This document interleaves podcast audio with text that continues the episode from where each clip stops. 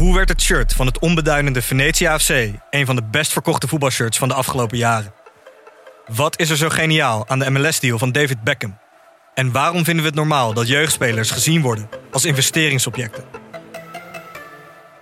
In de podcast Grof Geld onderzoek ik, Sam van Raalte, voetbaljournalist, samen met merkstratege Per van der Brink de macht van geld in de voetbalwereld. Wat gaat er schuil achter de wereld van sport en glamour?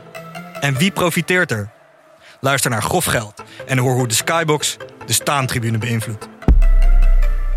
Deze podcast is 100% expertisevrij en alleen geschikt voor amusementsdoeleinden. De inhoud mag niet worden beschouwd als financieel advies. Dit is Jong Beleggen, de podcast. Ik ben Milou. En ik ben Pim. We hebben het in deze aflevering over je beleggingshorizon. Wanneer haal je dat geld eruit en hoe doe je dat? Ja, dat is heel belangrijk. Is het objectief of subjectief? Die beleggingshorizon, ja, daar Ja. zit dus verschil tussen. Ehm, we gaan het hebben over je leeftijd in obligaties. En ik kom ook nog met een, eh, mooi voorbeeld over wat je zou kunnen doen als je met pensioen gaat. Ja, jij hebt even een scenario uitgewerkt, heel inzichtelijk. En we hebben het over Stripe. Concurrent van Adyen. eh, heel, wordt een van de meest gehypte beurs van, van, de afgelopen tijd. Eh, en we hebben nog structurele feedback. Eindelijk. Ja. Beginnen? Zeker.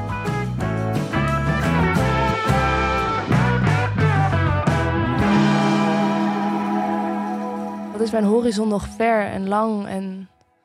Och, wat gaat daar veel rente op rente in de tussentijd ontstaan.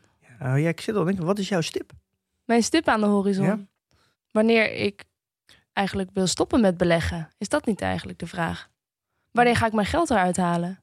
Ja, dat is wel goed. Dat is misschien meer de juiste vraag. Wat is nou een beleggingshorizon? Dat is natuurlijk eigenlijk al een goede vraag. Een beleggingshorizon. Er wordt ja. al best wel ruim geïnterpreteerd. Er zijn heel veel verschillende definities. Hoe ik het zou eigenlijk zou definiëren is hoe lang je eigenlijk zonder dat geld kan doen. Dus het moment, je beleggingshorizon is eigenlijk het moment dat je het geld echt nodig hebt. Eh, dus Ja, je, maar dat is misschien wel nooit. Nou, dan heb je een, een hele lange beleggingshorizon. Waarom wil je het over de beleggingshorizon hebben? Want voor mij is dat nog best wel ver weg. Voor jou is dat nog ver weg. Ik was er eigenlijk tot voor kort niet eens echt mee bezig. Nou, er zijn denk ik ook luisteraars die wat ouder zijn. Dus waardoor de beleggingshorizon wat dichterbij zit. Er zijn mensen die eh, een huis willen kopen. Nou, jongeren die, nou, er zijn ook mensen die zijn 18 die luisteren. En ja, die kunnen voorlopig geen huis kopen, maar die willen dat uiteindelijk wel een keer doen. Dus die kunnen dat misschien als ze 30 zijn. Dus die kunnen nog 12 jaar beleggen. Eh tegenwoordig Ja. moet je ook eh, 50 tot 100.000 euro meenemen voor een huis. Eh, dus je moet wel gaan beleggen. In Amerika is het heel normaal dat je belegt om een aanbetaling te doen voor een huis. Ehm, dus je hebt een, eh, een horizon hoeft dus niet altijd een pensioen te zijn. Het kan Nee. dus ook korter zijn. En eh, ook al ben je jong, kan je nog eens een, een korte horizon hebben. Ja, het is wel slim om daar even over na te denken. Ehm, van. En ja, ik hou erg van reverse engineering. Dus soms moet je soms een beetje de toekomst voorspellen of over nadenken. Zodat je beter kan begrijpen hoe maak ik keuzes nu. Ondernemen is voor mij niks anders dan constant reverse engineeren. Stippen op de horizon zetten. En daar wil ik naartoe. Hoe ga ik dat terug beredeneren naar nu? Oké, dan weet ik precies welke stap ik nu moet nemen. Ja, Constant toekomst, terugredeneren. Toekomst, Ja. terugredeneren. En dat is eigenlijk met beleggen precies hetzelfde. ja. Zoals mijn moeder al zei, een slimme meid is op haar toekomst voorbereid. Inderdaad. Als je de toekomst weet, Dan kan je nu handelen. kan je nu handelen. Nou, ik dacht, nu komt er iets wat weer rijmt. ja, dat, maar dat kwam er even niet uit. teleurstellend. Maar dat, het is dus, eh, dus geeft dus wel een, een, denk ik, een fijn gevoel. Als je echt voor jezelf definieert, oké, ik heb het echt 30 jaar niet nodig. Dan kan je dus hele andere keuzes maken nu. Ja, Dus eh, je hebt een horizon, een beleggingshorizon dat, dat, dat echt hard is. Dus je hebt gewoon, je kan dat geld nu missen, maar ik heb het op een bepaald moment nodig. mhm. Eh, bijvoorbeeld, je wil eh, een wereldreis maken. En dat wil je doen als je kinderen 18 zijn. Dan heb je een, een ongeveer, niet letterlijk hard, maar dan heb je wel ongeveer een harde deadline van dan heb ik het geld nodig. ja. Eh, maar ook als je bijvoorbeeld een, eh, een eh, huis hebt en je hebt dat voor gedeelte aflossingsvrij. Ja. Eh, en je, nou zeg 100.000 euro aflossingsvrij. Maar je wil op het moment dat je hypotheek is afgelopen, dat is bijvoorbeeld je hebt een hypotheek van 20 jaar nog.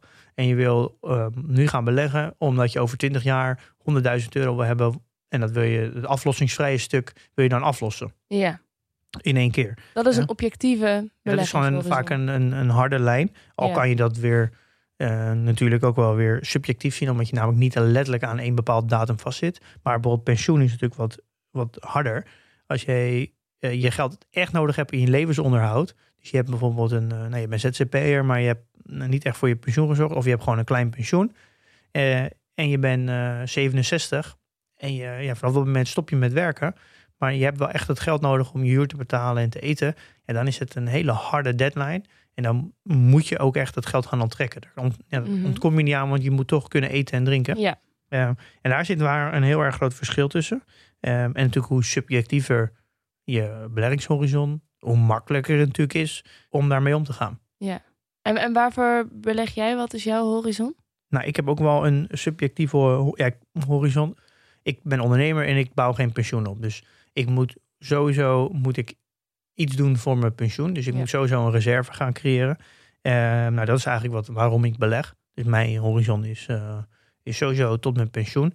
Ehm, dan heb ik het ook echt nodig. Eh, en, en ook een beetje wanneer geeft mijn lichaam, wanneer lukt het me niet meer om te werken. En dan heb ik het, moet ik het geld kunnen aanspreken. Ja. Ehm, maar ja, ik heb natuurlijk een beetje een voordeel omdat ik een, eh, een bedrijf heb verkocht. Waardoor ik een, eh, eh, iets meer heb dan, dan ik gemiddeld zou hebben op mijn leeftijd. Ehm, dus ik, kan het, zou het ook kunnen omdraaien. Dat ik een, be- een bepaald bedrag nodig heb en dan zou ik met pensioen kunnen. Dus dat zou ik ook kunnen omdraaien. Dus ik heb ook weer een hele subjectieve deadline. Ehm, ik zou bijvoorbeeld kunnen zeggen als ik, dat ligt weer aan mijn, aan mijn kosten natuurlijk. Maar als ik bijvoorbeeld kan leven met eh 25.000 euro eh, per, Ja. eh, per jaar. Ja. Dat, eh, dus dat, dat dat mijn kosten zijn. Dan zou ik een, en ik zou 5% onttrekken elk jaar. En dan zou ik bijvoorbeeld met een half miljoen, zou ik, zou ik in theorie met pensioen kunnen. Ja. Maar dan moeten wel mijn kosten wel onder die 25.000 euro blijven. Ja.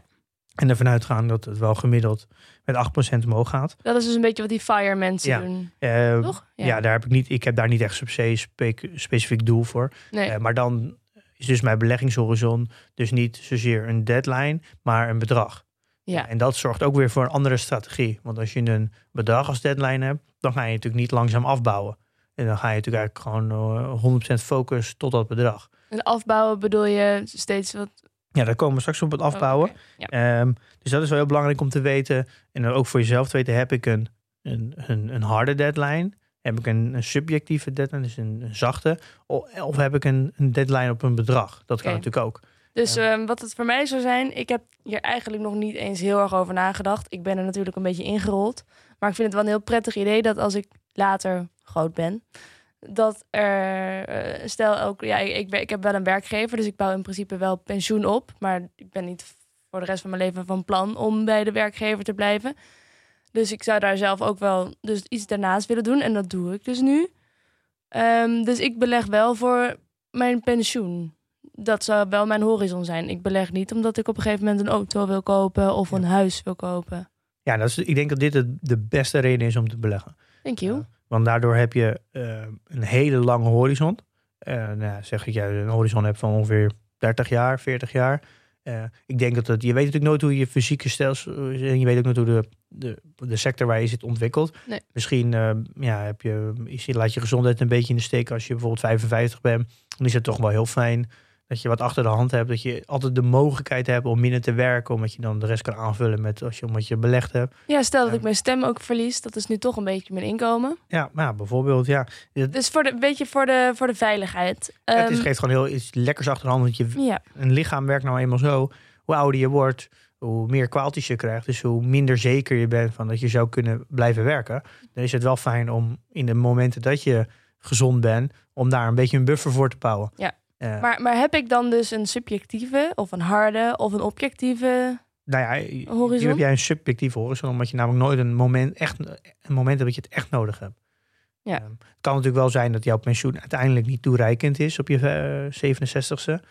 Eh, niet en dan, dan moet je, en ja, dan ga je wel stoppen met werken en dan kan je dus niet meer leven, want je, je hebt dus je komt dus elke, elke maand iets tekort.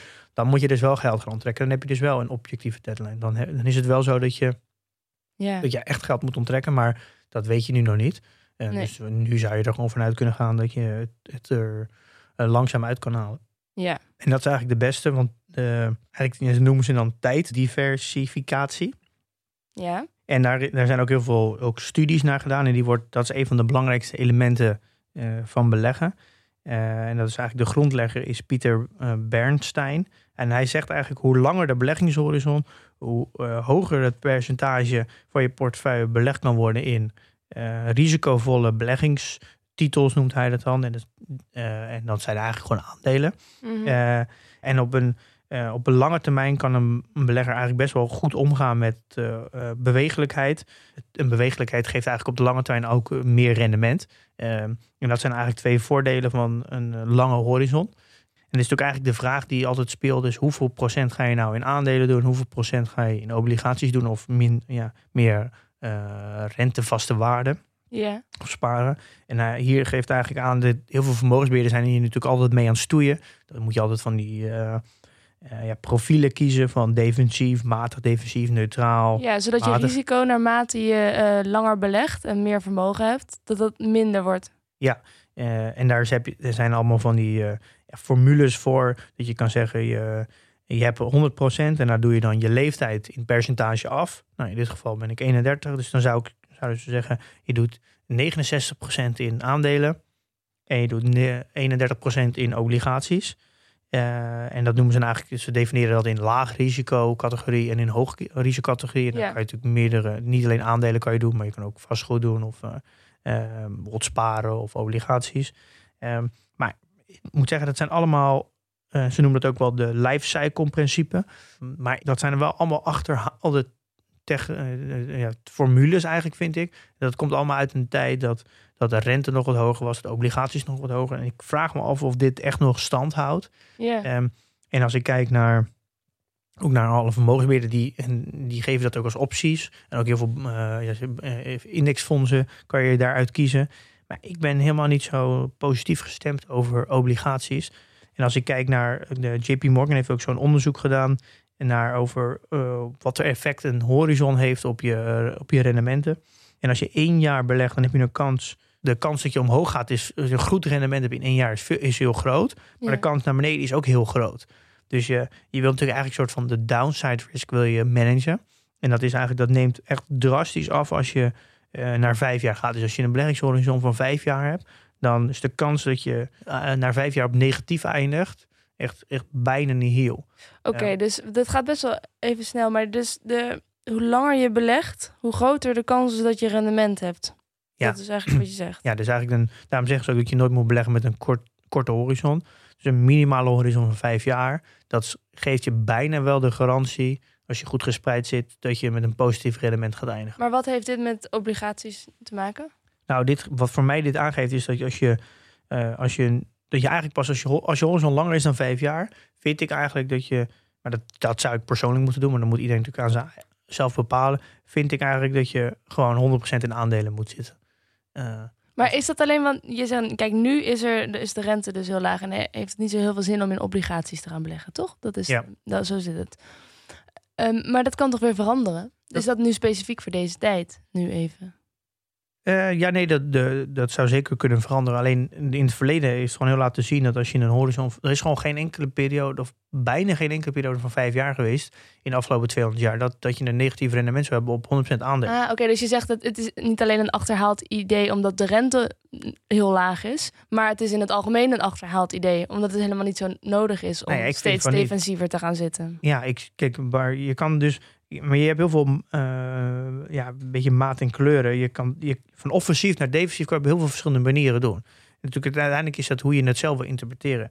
Ik heb bijvoorbeeld nu een portefeuille met, met een ongeveer een derde groei, een derde value en een derde eh, meer GARP, meer growth at a reasonable price. Dus ik zou kunnen zeggen, die groeiaandelen waar, waar best wel wat winst in de toekomst liggen, dat is natuurlijk van mijn strategie het- het meest risicovolle strategie. Ik kan ook zeggen, ik ga dus nog steeds 100% belegd blijven in aandelen, maar ik ga mijn groeistrategie afbouwen en ik ga dat meer verschuiven naar bijvoorbeeld waardeaandelen of meer aandelen zoals dividendaandelen, meer de aristocrats, dus bijvoorbeeld een Unilever en een, eh, en een, eh, een Johnson Johnson. Ja. Dan kan ik dus in mijn portefeuille nog steeds 100% belegd zijn, maar wel het risico iets afbouwen.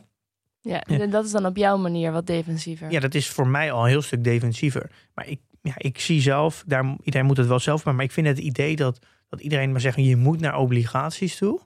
eh, en je leeftijd in obligaties, ja, ik, ik zou dat persoonlijk nooit doen. Ik vind dat je daar echt jezelf heel erg tekort doet. En studies laten ook zien dat als je langere horizon dan vijf jaar hebt, dat het eigenlijk ook helemaal niet nodig is.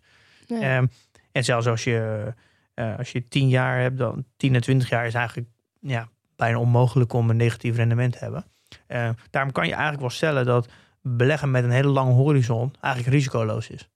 Als je, als je goed gespreid zit, dat laat eigenlijk ook heel veel studies laten ook zien dat beleggen met een, vooral pensioenbeleggen, is eigenlijk helemaal geen risico. Daar zijn ook heel veel discussies over nu met pensioenfondsen, dat die maar zoveel procent uh, in risicovolle aandelen mogen hebben. Maar als je belegt voor iemand die 30 is en die nog 35 jaar te gaan heeft, is eigenlijk het risico nul. Dus het, alle studies laten zien dat er eigenlijk geen risico in aandelen is, zolang je maar goed gespreid zit en, en lang vast blijft houden. Maar waarom zouden we dan zo hardnekkig vasthouden aan het idee dat je in obligaties moet zitten en dat er nog steeds, ja, dat je gewoon die ongeschreven regel hebt, je leeftijd in obligaties?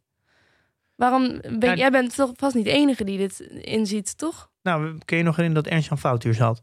Die, ja. die, die heeft aangegeven dat hij uh, een gedeelte in obligaties zit. Ja. Nou, hij is, uh, het is het half, begin 30, halfwege 30.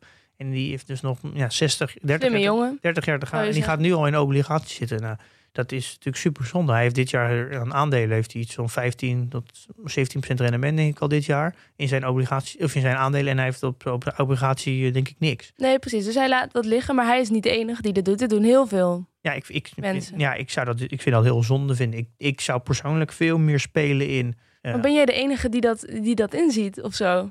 Nou, ik of, hoe, hoe, kom jij, hoe kom jij hierbij? Vraag ik me dan af.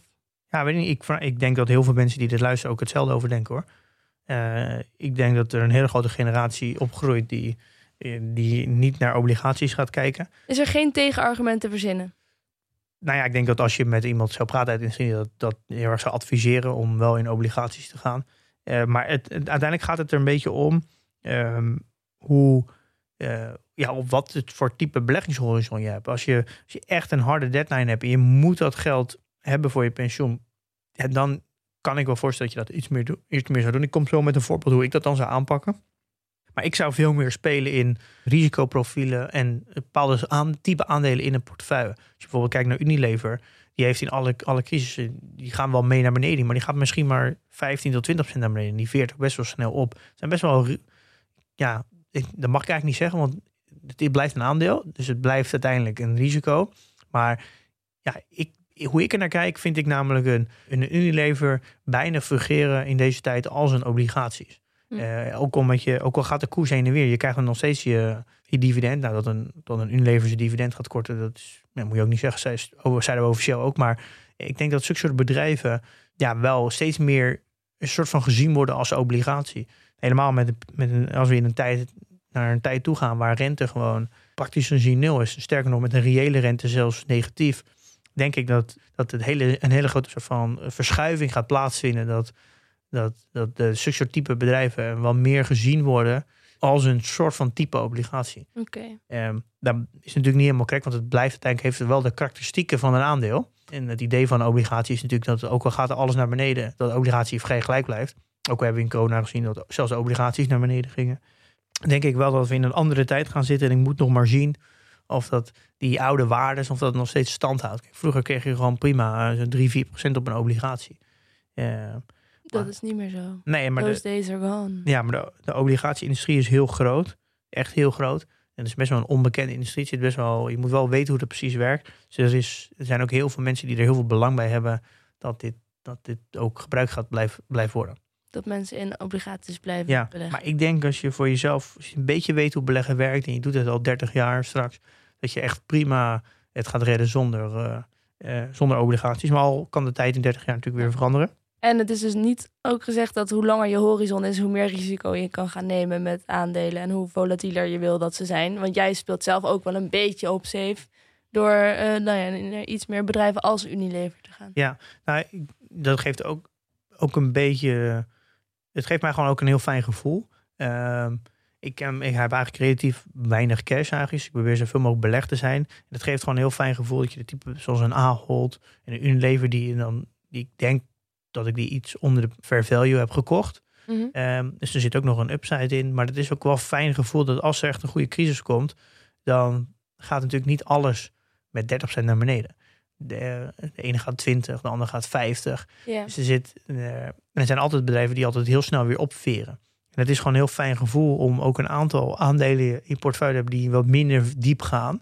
Eh, dat, dat, kan je, dan zou je heel goed kunnen inschatten vrij snel wat voor type crisis het is. En zou je zo geld alles anders kunnen allokeren. Ja. En dat, dat is wel denk ik de periode waar je als belegger eh, eh, heel makkelijk beter kan doen dan de markt. Ehm, door, en maar als je, allemaal, als je echt exact dezelfde aandelen allemaal hebt, dan is het heel moeilijk om. Dan kan je eigenlijk niet meer verschuiven. Eh, daarom is het wel fijn om een iets gespreidere portefeuille te hebben met meerdere soorten aandelen. Dat als er een keer fout gaat, dat je geld vrij kan maken door niet zozeer door heel veel cash te hebben, maar door bepaalde holdings eh, te sluiten, zoals een Unilever of een Ahold. Ja. En dat dan eh, te verzetten in aandelen die veel harder zijn gezakt, maar, niet ge- maar eigenlijk in theorie niet geraakt worden door de crisis. Precies, en want inderdaad, stel nou dat je een soort van harde beleggingshorizon hebt en wat blijkt, die ligt precies midden in een crisis. Ja, dat is wel een uitdaging. Nou, een crisis duurt gemiddeld drie jaar. Als we kijken naar alle crises in het verleden, het zijn er veertig geweest, dan is de gemiddelde crisis ongeveer 2,5, drie jaar. Nou ja, Mhm. wij zijn een beetje verwend met corona, want die heeft nou een jaar geduurd ongeveer erbij. Ja. Eh, nou, in ieder geval heel kort. kort eh, echt vergeleken met, het, met de geschiedenis extreem kort. Ehm, ja, en voor sommige mensen was het helemaal geen crisis. Nee, nee, maar nee, dat klopt. Ehm, maar we, dus ik, ik hanteer een beetje de regel drie jaar duurt de gemiddelde crisis. Dus je wil eigenlijk altijd, als je tussen de vier en de vijf jaar aan reserve hebben voor het moment. Stel je voor, je zou precies met pensioen gaan als de crisis begint. Dan, dan wil je eigenlijk wat reserve hebben staan, zodat je niet gelijk gaat onttrekken in het, in het diepste punt. Nee, want even nog e- even dat eh, op me in laten werken. Als je op het diepste punt dus inderdaad geld eruit gaat halen, dan weet je zeker dus dat je een beetje verliezen zit te nemen. Ja, dan, ja, dan ga je door bijvoorbeeld corona, we hadden we, was in maart. Als je, als je 1 januari zou onttrekken, zou je het op een heel hoog punt doen. Doe je het in, eh zo'n halverwege maart, dan ja, heb je er dan maar in één keer 30%, 30% is eraf. Dus dan verkoop je ze heel goedkoop, je Ja. aandelen. En dat wil je natuurlijk niet. Nee. Ja, dan gaat in één keer je, je, je complete vermogens met 30% gezakt. Ja, dus je wil niet dat je pensioenleeftijd dag precies in die drie jaar valt dan van, dat, En van die crisis. Waarom de beleggingshorizon zo belangrijk is, omdat je namelijk altijd, ten alle tijden wil voorkomen dat je geld gaat onttrekken op het moment in dat je in een crisis zit. Ja, En daardoor is het idee van obligaties, aandelen bedacht. Dat obligaties die fungeren dan een stabiele rentevaste waarde. Dat als er een crisis is, blijven de, de obligaties gelijk. Ja. Die aandelen gaan naar beneden. En dan kan je dus gewoon geld onttrekken vanuit je obligaties. Eh, en nee, heb je weer tijd om die aandelen te laten herstellen. Dat is eigenlijk het oorspronkelijke idee. ja. Al vind ik wel dat obligaties ook tegenwoordig ook wel met crisis ook naar beneden gaan. Zou ik eerder voor kiezen om. Ik, zou, ik kan wel even twee scenario's, een soort van hypothetisch. Ik heb dus een scenario voor mijn zoon. Die gaat studeren. Ehm, dat is een vrij harde deadline. Eh, en dan hebben we de si- situatie dat ik met pensioen ga. Dan heb ik even een situatie geschetst dat ik. ehm, ik wil mijn, mijn pensioen heeft dus 67. En ik wil tien jaar eerder stoppen, dus op 57. En ik heb een vermogen belegd van 300.000 euro. Ja. Nou, dat is in tien jaar tijd. Dat is goed, want ik heb 30.000 euro nodig om te kunnen leven elk jaar. Dus ik kan op mijn 67 met pensioen, omdat ik 300.000 euro belegd heb. Ehm, Dit, is echt, dit heb je ook echt berekend of heb je even, is het een voorbeeld? ja, net heb ik even berekend, maar dat is als als een voorbeeld te geven. Maar wel een realistisch voorbeeld. Ja, want dit heb ik namelijk ook soort van als vraag van iemand gekregen. Die, Ja. wil, die is nu aan het beleggen, maar die wil dus eerder stoppen met werken. En, en nou, in mijn geval heb ik 30.000 euro kosten per jaar. Eh, dus ik wil 10 jaar eerder stoppen, heb ik 300.000 euro Ja. moet ik belegd hebben. En dan zou ik, dan wil ik gewoon stoppen met werken, want op mijn 67 heb ik een goed pensioen. Ja. Dus ik hoef dan geen geld meer over te hebben. Ehm, nou, een gemiddelde crisis duurt drie jaar. Ehm, dus dan zou ik eigenlijk vijf jaar voor het einde van mijn beleggingshorizon, nou dus in dit geval is het als ik 52 ben, zou ik eigenlijk al moeten beginnen met mijn horizon afbouwen. Omdat ik namelijk drie jaar kan een crisis duren, wil ik eigenlijk eh, tussen de vier en de vijf jaar, ik pak in dit voorbeeld vijf jaar, vijf jaar eigenlijk aan, aan eh, een reserve bouwen. Dus wat ik dan zou doen, zou ik op mijn eh 52ste, dus dat is vijf jaar voor me, voordat ik met pensioen zou willen, Mhm. Zou ik eigenlijk al 30.000 euro cash gaan opbouwen. Nou, Oké, dus dan ga je langzaam wat eruit halen Ja. elke maand. ja, dat zou dus ook in, eh, in obligaties kunnen. Maar het ligt een beetje aan wat dan op dat moment de situatie is. Misschien kan je dat, eh, kan je dat vastzetten door bijvoorbeeld, een, eh, bijvoorbeeld geld vijf jaar vastzetten al in de vorm van een rente. voor Mhm. een, een half procent of een procent. Misschien is het tegen die tijd anders. En dan zou ik dus eigenlijk elk jaar dat je dichter bij jouw pensioenleeftijd gaat, zou ik elke keer 30.000 euro onttrekken. Ja, en maar Ja. dan ontrekken bedoel je dus vastzetten mee of zo. Je haalt het niet daadwerkelijk uit en je stopt het niet in je portemonnee of nou, je haalt het van je, van je beleggingsrekening en je verplaats dat naar of cash of een obligatie. Maar het ligt een beetje op wat op dat moment een heel laag risico heeft. Ja. En dat je eigenlijk er altijd bij kan. Ja. Ehm, misschien is vijf jaar een beetje overdreven. Het ligt ook een beetje aan hoe ervaren je dan bent en hoe de markt dan is. Als er net al een crisis is geweest, dan is het natuurlijk een heel ander verhaal weer dan Ja. als je op de hoogtepunt zou zitten. En, en dan kom je dus, als je, als je met pensioen gaat, dus op je 57ste, dan heb je dus 150.000 euro soort van cash eh, en 150.000 euro nog belegd. Eh, het gaat natuurlijk niet helemaal op, omdat je namelijk natuurlijk ook waarschijnlijk in die vijf jaar tijd ook nog gaat bijleggen. Waardoor je dus niet letterlijk 30.000 euro per jaar hoeft te onttrekken, omdat je ook nog bijspaart. Dus je gaat in plaats van, als je 1000 euro zo normaal zou bijleggen, zou je dat dan gewoon al als cash houden in plaats van belegd houden. Waardoor je dus al 12.000 euro per jaar als cash creëert, waardoor je dus nog maar 18.000 euro op hoeft te onttrekken. Ehm, maar uiteindelijk zou ik op die manier doen, waardoor je dus altijd eh, wel belegd blijft. Eh, maar met dat geld wat je belegd blijft, in ieder geval eh, altijd een horizon houdt van vijf jaar. Dat is eigenlijk een beetje het idee. Ja. Waardoor dus als je dus op 58 bent, dan ben je dus één jaar met pensioen. Dan heb je dus een cashpositie nog steeds van 150. Maar dan heb je dus nog maar 120 belegd. Je gaat dus elke keer ehm, wat van je, van je belegd vermogen afhalen. Waardoor je altijd een cashreserve houdt van vijf jaar. Oké. Je kan het natuurlijk ook naar drie jaar doen. Als je, maar dat is aan je eigen risicoprofiel waar je Ja. je veilig bij voelt. Eh, wat het voordeel kan zijn van eh, vijf jaar, of in ieder geval van een x aantal jaar, is dat je natuurlijk een hele hoge cashreserve hebt, wat gewoon een heel lekker gevoel geeft. Eh, want je hebt dus eigenlijk best wel een lange periode een grote cashreserve. Dus de kans dat die in die periode een crash komt, want de gemiddelde crash komt één keer in de tien jaar, is, is dus best wel aanwezig. Is het wel een heel fijn gevoel om gewoon een heel groot gedeelte cash te hebben. Want als er een crash komt, heb je de mogelijkheid om te zeggen, nou ik had vijf jaar cash, maar nu is het, is het 30% gezakt. Ik ga nu, ik neem iets meer risico. Ik ga mijn cashreserves terugzetten naar drie jaar. Ja. En ik ga nu twee jaar aan cash, ga ik nu in de markt stoppen. Omdat, ik, omdat er nu een flinke crisis is, kan ik lager instappen. Dus het, het, geeft je gewoon heel veel rust. Maar ik zou wel daar een beetje mee, mee spelen met ongeveer eh, toch zo'n vijf jaar aan cash, denk ik. Of in ieder geval geld waar je, wat, vrij risicoloos is. Ehm, maar uiteindelijk wordt er ook weer gezegd in, de, in zulke soort voorbeelden... Ja, hoe, eh, je kan iets meer risico nemen als je eh, de mogelijkheid hebt om ook nog geld te verdienen uit andere bronnen.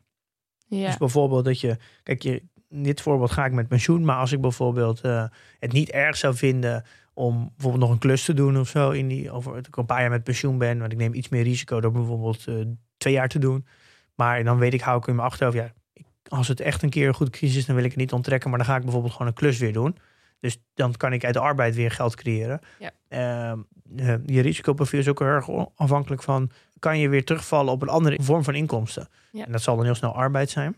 Eh, dus, en ben je bereid om dat te doen? Als je dat bereid bent om te doen, en je vindt het niet erg en je, dan kan je iets minder, kan je meer risico nemen. En ben je er fysiek nog toe in staat Ja, dat. En dat Dus het is een, een ja, je beleggingshorizon is wel echt heel erg afhankelijk van ja, hoe je het inricht en waar je, wat je belangrijk vindt en wat voor risico je wil nemen en waar je toe bereid bent om te doen. Ja. Eh, maar het is heel erg, bel- ik denk heel erg belangrijk voor beleggers om te weten wat is nou echt mijn horizon.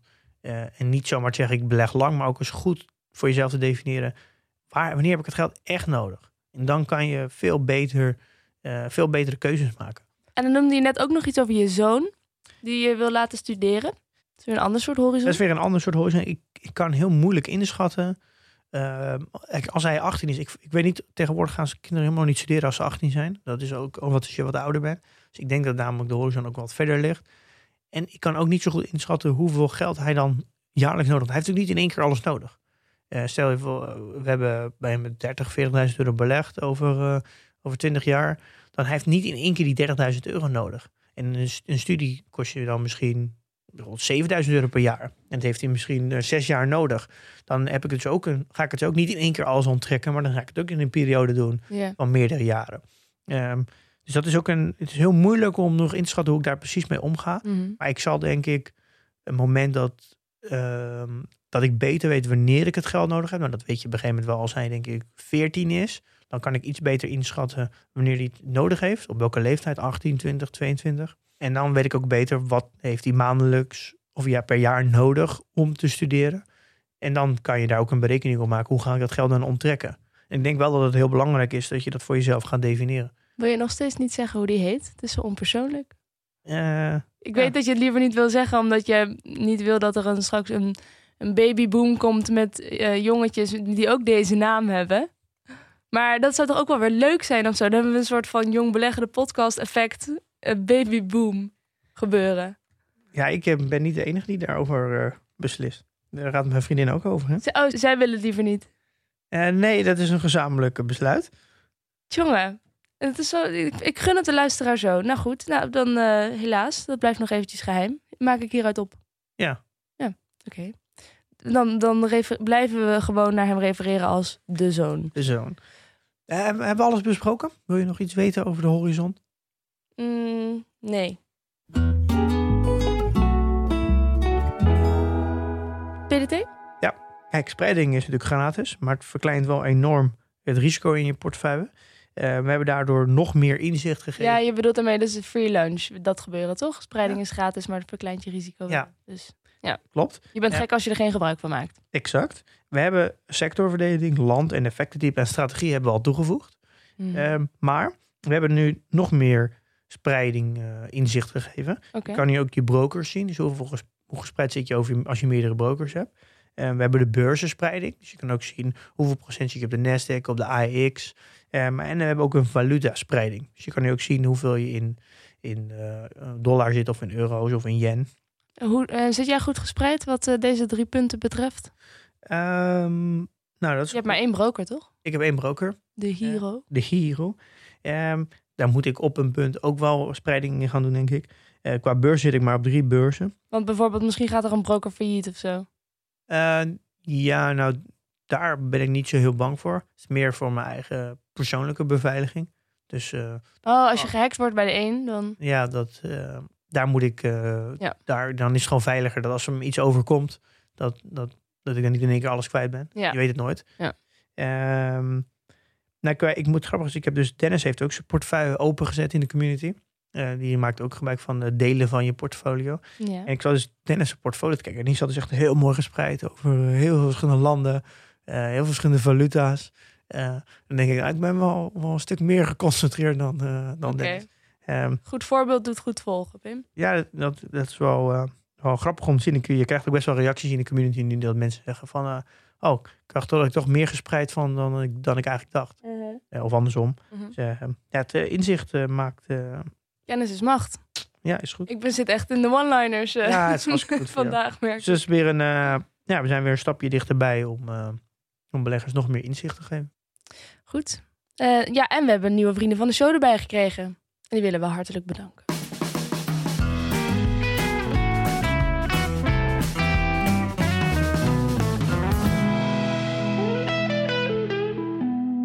Wat was jouw nieuws? Nou, eh, ik wil het even over Stripe hebben. En dat is eigenlijk de eerste keer dat we het hebben over een niet beursgenoteerd bedrijf. Nou, we hebben het ook al over Coolblue gehad. Ja, dat is waar. Maar, ja, maar nu echt bij zo bij... Ja, dat klopt. Nu bij het nieuws. Maar eh, Stripe, eh, dat is van de, een Ierse, zijn Ierse broers Patrick en, en John Mhm. eh, Collins. Collison. Oh, sorry. Eh, Patrick en John Collison. En dat zijn... ehm, het zijn ze komen oorspronkelijk uit Ierland, maar ze zitten volgens mij ook in Amerika. Daar zit ook het hoofdkantoor. Mhm. Ehm, maar Stripe is eigenlijk een beetje de concurrent van Adyen. En ook een beetje van Molly. Nou, Molly is van eh Adriaan Mol. Heeft twee, twee met Message twee bedrijven die voorbij de miljard zijn. En Ja. die gaan, denk ik, binnen nu en een paar jaar ook wel naar de beurs. Molly is eigenlijk weer een kleine variant van Adyen en ook van Stripe. Ehm, maar eh, Adyen is natuurlijk een van de weinige bedrijven die beursgenoteerd is die, die echt payments doen. En Stripe is eigenlijk denk ik de grootste concurrent van Adyen, maar die is niet beursgenoteerd. En Stripe is een, ja, ik vind het echt een fantastisch bedrijf. En ik denk dat dit, dit bedrijf gaat echt eh, misschien wel de, een van de grootst gehypte beursgangen ooit worden, denk ik. Waarom dan? Hier kijkt echt iedereen heel erg naar uit. Waarom dan? Ja, de, eh, die, die business zit, zit zo extreem goed in elkaar. En ze bieden zulke mooie producten. Maar je bent ook altijd heel erg te spreken over Adyen. Ja, maar Algen ook. Maar het, het, eh, waarom ik eh, heel erg te spreken ben over Stripe, omdat ik namelijk zelf gebruik. Wij gebruiken voor PDT ook Stripe. Eh, en ik kan me nog herinneren, ik, ik ben al op het internet voordat er überhaupt de iPhone was. En ook voordat we iDeal hadden en ook Stripe. En in die periode om een betaling op te zetten. Dat was echt verschrikkelijk veel werk. Nou, je kon eigenlijk niet eens aan denken om naar het buitenland te gaan. Om een buitenlandse payment provider te, te integreren op je, op je website. Die webshop was eigenlijk bijna onmogelijk. Mhm. Nou, daar is de Stripe en Adyen zijn daarvoor gekomen. Die, eh, die hebben eigenlijk een integratie met alle payment providers over de hele wereld. Dan kan je dus koppelen aan hun API. En dan bieden zij eigenlijk een betaalsysteem aan voor elk land. Dus je kan gewoon aangeven, ik wil ook een betaling in België. Dan heb je een bankcontact in België. Dan heb je Ideal in Nederland. Nou, zo gaat Ja, het ja, maar door over de hele ja. wereld. Je kan zelfs Alipay integreren als je Chinese klanten hebt. Eh, en Stripe is eigenlijk de infrastructuur voor het betalen online. Dat is eigenlijk voor je digitaal bedrijf. Maar ondertussen gaan ze natuurlijk veel verder. Ze doen ook recurring. Dat je ook herhalende betalingen kan doen. Ze doen, ze doen eh, belastingverwerking. Want elk land heeft natuurlijk zijn eigen btw-tarief. Nou, ja, dat weet je natuurlijk ook niet als je internationaal wil shippen. En je hebt 150 verschillende landen. Dan, Ja. ja, dan moet je, moet je allemaal zelf gaan programmeren wat de btw-tarief is per land. Nou, dat regelen ze voor je. Ze doen identiteit, controle over of iemand wel daadwerkelijk die persoon is. Ze bieden zoveel services aan. Ze zijn eigenlijk gewoon de complete infrastructuur voor jou als bedrijf. Door Ja. Stripe kunnen wij eigenlijk heel makkelijk een digitaal bedrijf beginnen. Omdat Stripe gewoon alles voor je uit handen neemt. Maar doen ze meer dan Adyen dan? Nou, Adyen doet dat ook allemaal wel. Alleen Adyen doet dat heel erg voor echt grote jongens. Dus daar hebben ze eigenlijk een compleet andere soort van eh, strategie, go-to-market strategie gehad. Eh Adyen gaat voor echt high-end. Die wil de allergrootste bedrijven als eerst. Ja. En dan gaat het langzaam naar beneden. Mhm. Dus ze hebben steeds meer de, de, de grens verlaagd dat je ook klant kon worden als je kleiner was. En Stripe deed eigenlijk het, precies het omgekeerde. Die ging alleen maar producten maken voor developers, voor startups. En die startups worden steeds groter. En, die, en zo hebben ze steeds grotere klanten. Ja, Ehm, net zo'n goede strategie eigenlijk. eh, het, het, Zou heeft, het kunnen zijn. het heeft allebei heel goed gewerkt. ja. Alleen Stripe heeft een onwijs sterk ecosysteem. En het zit eigenlijk geïntegreerd in alle, allerlei developers. Dus alle developers die willen allemaal met Stripe werken, omdat het gewoon heel goed, goed geïntegreerd. En het leven van een developer gewoon veel makkelijker maakt. En eh, ja, dit bedrijf is nu al een soort van off the market gewaardeerd op meer dan 100 miljard. En het businessmodel is een soort van SaaS, maar dan ze, ze verdienen geld op, op een percentage op wat jij verkoopt. Dus als ze klanten hebben die meer groeien, dus nou, alle klanten die, die gaan nou waarschijnlijk meer online verkopen, waardoor zij automatisch ook meer omzet maken. Dus, Ja. dus ze, krijgen, ze hebben dus een veel beter verdienmodel dan SaaS voor een vast bedrag. Ja. En ze hebben ook een win-win. Als de klant heel veel verdient, verdienen zij ook meer. Ja. Ehm, en dit is natuurlijk wat Adyen natuurlijk ook heeft. Oké, dus we kijken uit naar deze beurs. Ze mikken op een direct listing. En dat houdt in dat bestaande ouder- aandeelhouders een aantal aandelen beschikbaar gaan stellen. Ze gaan geen nieuw kapitaal ophalen. Dus we hoeven geen roadshow te doen. Nee, eh, dus dat, daardoor kunnen ze korter naar de beurs. Maar daardoor moet je, is het wel heel erg afwachten over hoeveel procent van de aandelen gaan dan naar de beurs. Ja. Ik, ja, ik denk dat dit, eh, dit gaat een uh, gekkenhuis worden. Ik denk dat hier een hele grote run op gaat zijn. En wanneer gaat dit gebeuren? Ja, dat is dus nog niet duidelijk, maar er is nu, eh, Reuters heeft hier wat over geschreven. Omdat namelijk eh, een van de broers, die heeft dus een gesprek gehad met een, met een heel grote zakenbank. Om dit te informeren. En dat is natuurlijk gelekt.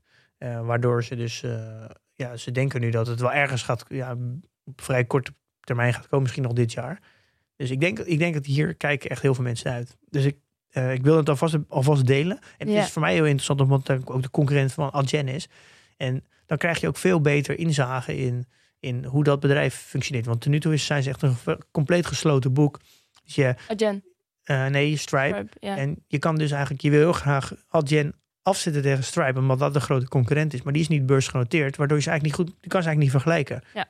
Dus het is ook heel interessant voor, voor gaat ook heel interessant voor Adyen zijn. Eh, en ik, ja, je kan denk nou al zeggen dat Stripe eh, veel hoger gewaardeerd gaat zijn. Het is een Amerikaans bedrijf. Hmm. Eh, is, is het echt is heel groot in, in de, in de visiewereld en in, in Silicon Valley. Dus ik denk dat heel veel beleggers hier echt op gaat, op gaan storten. Eh, wat ook weer een positief effect gaat zijn voor, kan zijn voor Adyen. Als het vergelijkbare cijfers gaat hebben als Stripe qua groeicijfers. En, eh, maar de waardering is echt fors minder. Kan dat een positief effect hebben voor Adyen. Kan ook de andere kant op zijn natuurlijk. Ja. Ja. Maar het is wel interessant om te volgen. Omdat Adyen natuurlijk een van mijn grootste holdingen is. En ik zelf echt heel erg eh, positief ben over Adyen. Ja. Dan gaan we naar het, het portfolio. Jij eerst? Ik heb geen transactie gedaan. Oké. eh, maar ik ben wel omhoog gegaan. Ja, wie niet? Wie niet? Ehm 231.200. Oké. Ja, het is echt, eh, het is echt bijzonder hoe, Gaat hard. van de afgelopen twee weken hoe hard het omhoog gaat. Hè? Ja. Echt, eh, Ja, nou ja, ik, ik heb dus 1071 sta ik in de plus. Dus een totale portefeuillewaarde van 6928. Ik heb ook al even op 7000 gezeten van de week. Dus het is weer iets gezakt. Maar ja, we hebben heel even een klein, klein dipje gehad vorige week. Maar we zijn daar al bijna weer van hersteld zelfs. Het, is echt, eh, het zijn bijzondere tijden. ja. Gaan we naar de reviews? Ja, laten we dat doen. Ehm, we krijgen vijf sterren van Arnoud. En hij schrijft: Pim en Milou introduceren de wereld van beleggen op een eenvoudige en informatieve manier. Zelf beleg ik al een tijdje, maar probeer ik steeds meer te leren. En wat is er nu beter dan weer eens helemaal bij het begin te beginnen? Dus vanaf aflevering 1 de complete basiskennis weer even bijschaven tijdens het uitlaten van de hond. Ja, dat is natuurlijk het ideale moment van de dag. Ja, nou ja, graag gedaan. Ook uh, namens je hond. Ik was ook laatst een podcast aan het luisteren terwijl ik de dode duif die mijn kat Billy had binnengebracht aan het opruimen was. Dat is ook een ideaal moment. Ja, jij moet ook heel veel podcasts luisteren voor je werk, hè? Heel veel podcast. Ja. Ja, ja, ik, ik luister er denk ik wel zes per week. Ja. Ja, ze noemen me niet voor niks Miss Podcast. Ja, ja, interessant. Ja, Het is eigenlijk mis podcast en ETF ben jij. Klopt, Miss ETF. Ja. Ja, ja dat, ik ben, daar ben ik nog wel meer trots op, denk ik. Ja, mis ETF. Ja. Ja, dat snap ik. En we hebben nog een andere eh, rating, hoe noem je dit ook weer? Review. Ja. We hebben nog een andere review, namelijk vier sterren van Jesse Hoe Rates. kan dat nou? Vier sterren. Vier, ja, dat, is- dat is eentje minder dan vijf. Kan toch niet? What happened? Nee, maar hij komt met structurele feedback. Oh ja, dat is goed. Eindelijk iemand met structurele feedback. Ben ik echt blij mee. En jij volgens mij ook, Pim. Ehm, hij schrijft een, een lang verhaal. Je kan het teruglezen in de Apple Podcast app. Eh, hij zegt ten eerste, hij bedankt ons voor de podcast. Eh, hij belegt een tijdje. En eh, ja, wordt levendig verteld, goed uitgelegd. Hij is heel positief. En hij komt dus met structurele feedback. Waar hij zegt... maar ik mis een slot waarin de belangrijke punten worden samengevat. Hierdoor is het vaak lastig om duidelijk te hebben na elke aflevering wat precies de hoofdpunten waren. Nou, laten we dat punt eerst even. Ja, wat vind je ervan? Nou, ja, dat, d- daar zit ik wel eens over na te denken. Kunnen we een soort van samenvatting geven? Ik wil er zelf wel ook een beetje voor waken dat het al te schools wordt. Dus daar zouden we wel even een leuke vorm voor moeten vinden. Ja. Anders zit je zo van, nou, wat hebben we vandaag besproken? Ja, zo hoef je het natuurlijk niet te doen. Maar we Nee. kunnen wel even kort doorlopen wat nou de main takeaway is van past- een aflevering. Ja, past wel een beetje in deze tijd, hè? Dat je graag eh, nog even een, eh, een, een snelle samenvatting willen. Een, een hapklare. Ja, Ja. maar het kan wel misschien de boodschap ook versterken. Dus nou ja, daar zit wel wat in. Ja. Daar kunnen we wel over nadenken, denk ik. Nou, voel je vrij om daar eh, volgende week mee te experimenteren. Oké, ga ik een soort main takeaway eh, formuleren voor mezelf. Ehm, hij schrijft ook nog. Ook lijkt het me nuttig om vaker een expert in een aflevering erbij te betrekken. Want soms geeft Pim zijn mening over abonnementen of technologie bijvoorbeeld. En wordt het verteld als een feit, zonder dat hier een tegenluid, tegengeluid voor gegeven wordt. Ja, dat, ik moet natuurlijk dat tegengeluid geven. Hij, oh ja, hij schrijft nog verder. ik ben Ehm, het trouwens helemaal met hem eens dat we dat gasten heel erg leuk zijn. Ja, Ja. Maar we kunnen niet elke week een gast doen. Nee, er komen er wel weer heel veel aan. Hè? Ja. En het idee is ook wel een beetje natuurlijk dat ik mijn mening verkondig. Ik ben niet een... eh wij zijn, we zijn geen Wikipedia waar we alleen maar feiten eh, Nee. vertellen. Misschien moet ik nog meer vraagtekens stellen. Dat zou misschien kunnen. Maar hij schrijft ook nog een voorbeeld. Bij de aflevering over waardeaandelen merkte ik dat het grootste voorbeeld van zijn beleggingen de belegging over PostNL ging. Hij verwachtte een strategiewijziging en bleef investeren. Echter lijkt dit niet op waarde beleggen, maar op een fundamentele analyse gebaseerd op verwachtingen. Eh, ja, ik vind het moeilijke zin, maar snap je wat hij bedoelt? Ja, ik snap wat hij bedoelt. Ik, ehm, hoe hij het nu stelt klopt het wel, maar zo is het natuurlijk niet gegaan. Eh, Dus hij zegt, het, het, dit is niet waarde beleggen, dit is een fundamentele analyse gebaseerd op verwachtingen. Ja, nou, daar ben ik het niet mee eens. Eh, dat kan ik eigenlijk ook heel goed uitleggen. Het is natuurlijk niet een plotselinge strategiewijziging wat PostNL doet. PostNL is al 15 jaar bezig met pakketjes bezorgen en met postbezorgen. Dus het is niet zo dat het nou een, een strategiewijziging is. Het is. Ze bieden meerdere diensten aan in een bedrijf en daar zit pakket en post eh, zitten daarin. En waarom dit wel een waardebelegging is, en ik denk dat dat het juist fundamenteel waardebeleggen is, is dat waar het heel vaak gaat over de multiple die beleggers aan een bedrijf geven. Dat is namelijk altijd een heel belangrijke key voor waardebeleggen. Eh, want daar gaat namelijk heel erg het verschil in zitten. Kijk, de post is dalende. Oh, dat is al 15 jaar dalende. Daar zitten sowieso lage marges op. Het is heel erg gereguleerd door de overheid. Dus je kan niet zelf beprijzen bepalen. Dus je pricing power is heel laag. Daar zit, en het is dalende. En het is een kleine markt. Waardoor, eh, waardoor je eigenlijk de multiple die je geeft, dus de, de waarde die je geeft aan de toekomstige winst, is heel laag. Dus je koers-winstverhouding wordt automatisch heel laag. Ja. Eh, de, de pakketbezorger, die zat, die, dat doen ze al, al wat ik wel 15 jaar, misschien al 20 jaar. Maar dat, dat is langzaam aan het groeien. Maar de multiple die je betaalt aan het bedrijf, is het hele bedrijf. Dus, in, dus je betaalt, de multiple is, is dus heel laag, maar dat is voor de, voor de post. Maar de multiple zit dus ook op het pakket. Waardoor dus eigenlijk, maar de pakket zou dus als het alleen maar een los pakketbedrijf, dan zou je een hogere multiple geven, omdat namelijk de pricing power veel beter is. Het is een groeiende markt en de marges zijn veel hoger. Ehm, dus er komt, dus je ziet gewoon dat er, je weet gewoon dat er een moment gaat komen eh, dat de post kleiner wordt en dat de pakket groter wordt. En op het moment dat dat verschil is, dan gaan beleggers het ook meer zien als een pakketbedrijf, waardoor die multiple omhoog gaat. Waardoor de multiple misschien één keer wel keer twee zijn. Mensen zijn bereid om meer te betalen voor toekomstige winsten en het zwaarder te waarderen. Dus de koers-winstverhouding kan dan ook structureel omhoger. Dus er zit eigenlijk in die tijd dat je dus nog de, de multiple betaalt voor een postbedrijf, eh, zit er dus eigenlijk altijd een verborgen waarde in. Is dus eigenlijk dat de multiple van de postpakket eigenlijk hoger moet zijn. En dat is toch fundamenteel juist waarde beleggen, is dat je, dat je iets koopt wat, wat uiteindelijk meer waard is dan wat je ervoor betaalt. Je betaalt dus de postmultiple, betaal je eigenlijk ook de pakket multiple. En dat is, niet, en dat is dus goedkoop. En dat, dat is volgens mij fundamenteel waarde beleggen. En dat is volgens mij ook wat met Ahold nu gebeurt. Je betaalt voor Ahold de multiple van een supermarkt. Maar er zit dus ook een hele grote eh, webshop in. En dat is bol.com. Daar betaal je dus ook de multiple eh, van de supermarkt in. Maar een multiple voor een, een, een, een webshop die heel hard groeit... is veel hoger dan een supermarkt. Waardoor je eigenlijk... Dus er zit een heel erg grote discount in van bol.com. Ja, oké. Ja, En Ja. dat is wel, en dat is juist fundamenteel waarde beleggen. Dat je dus minder betaalt dan wat daadwerkelijk in absolute waarde in zit. Dus ik ben het hem echt volledig niet met hem eens. En dan denk ik ook hetzelfde met, met eh, Apple. Apple werd altijd gewaardeerd als een hardwarebedrijf. En daar zat een koers-winstverhouding van al vaak tussen de 8 en de 10 voor hardware. Nou, in één keer is Apple de afgelopen jaar, vijf jaar, met 400% gestegen. Het heeft vooral te maken omdat eh, de beleggers het bedrijf anders zijn gaan beoordelen. Ze zijn het gaan beoordelen als een softwarebedrijf, waardoor nu de koers, koers-winstverhouding ongeveer 30 is. Dus het is een, alleen al in waardering, dus in, in, de, in de koers-winstverhouding, is het drie keer, zijn beleggers bereid om, om dus drie keer meer voor te betalen, omdat het meer software is. En als je dat doorhebt, dat is juist waardebeleg, is dat, dat hoe beoordeelt de markt de, het bedrijf, welke waardering plakken ze erop. En als jij dus iets in ziet wat, wat, dus, wat eigenlijk een hogere waardering heeft, maar er nog procentueel gezien nog niet de overhand heeft, maar wel groeit, dan weet je dat er een kantelpunt gaat zijn dat dat, dat, dat de overhand neemt, waardoor beleggers het ook als een andere multiple gaat beoordelen. En dan pak je in één keer een, flinke groei mee. En daar zit juist de sweet spot met, met waardebeleggen. Want zo'n Apple is in één keer 400% gestegen. Niet omdat het bedrijf nou eh, zo vier keer meer winst maakt, maar omdat beleggers het toen een tijd een andere waardering gaven, omdat het een hardwarebedrijf is. En dat kantelpunt, daar zit je juist goed als waardebelegger. Helder. Althans, ik geloof je natuurlijk meteen. Maar misschien is er een expert voor nodig om hier een tegengeluid eh, aan te bieden.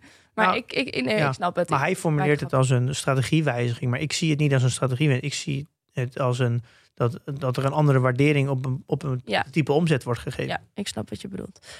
Oké. ehm, maar nou, ik eh, waardeer natuurlijk wel de, ja, de kritische noot van, eh, van Jesse. ja, daarom. Dat levert meteen een interessante discussie op. Hoewel eenzijdige discussie in, want jullie kunnen niet daadwerkelijk met elkaar in discussie. Dat is dan weer mijn taak om dat een goede banen te leiden. En ik hoop dat dat er enigszins is uitgekomen. Hij besluit nog met kortom levendige podcast. Een slot toevoegen zodat de hoofdpunten beter worden belicht. En vaker een expert uitnodigen voor meer tegengas tegen Pim. Hopelijk lijkt het nu niet te negatief. Want ik waardeer de podcast, maar dat zit toch een tijdje in mijn hoofd. Dus hij wil dat even delen. Met Het is wel mooi dat het een vriendelijke soort van practice what you preach. Hij geeft wel zelf dan ook een samenvatting van zijn review. Ja, Dat is nou wel weer mooi Ja, inderdaad. heel mooi. Hij geeft het goede voorbeeld. Wat hebben we vandaag besproken? We hebben het gehad over de beleggingshorizon. Eh, zorg dat je hem even goed inschat, want een slimme meid is op haar toekomst voorbereid. En het is beter om een subjectieve horizon te creëren. Oké. Ehm, wat gaan we volgende week doen, Pim? Volgende week gaan we eh, vragen beantwoorden. Oh ja, we hebben een, eh, een Q&A. Ja, afgelopen week hebben we heel veel vragen ontvangen. die gaan wij lekker eh, achter elkaar beantwoorden. Oké. Ehm, Ik ben heel benieuwd wat, eh, wat er van ons gevraagd wordt. Maar ik beloof bij deze volledige openheid. Dat zal ik ook doen. En we gaan nog even bellen met, met Ralf. En hij is een. we gaan het hebben over cybersecurity en beleggen. Dat is natuurlijk een heel belangrijk onderdeel. Want hoe beveilig je nou je beleggingsrekening? En Ralf is een, is een information security officer. Dus hij gaat ons eh, tips geven. Hoe je als elke type belegger, een kleine belegger en een grote belegger, hoe, die, eh, hoe je je kan beveiligen en wat de risico's zijn. Heeft Ralf ook een achternaam? Eh, Ralf heeft ook een achternaam. En dat is Van Roekel. Nou, dat is voor de volledigheid dat ook maar even gezegd. Oké, Volgende nou, week. volgende week dus. ik kijk er naar uit. Nou, in de tussentijd investeer in je kennis en beleg met beleid.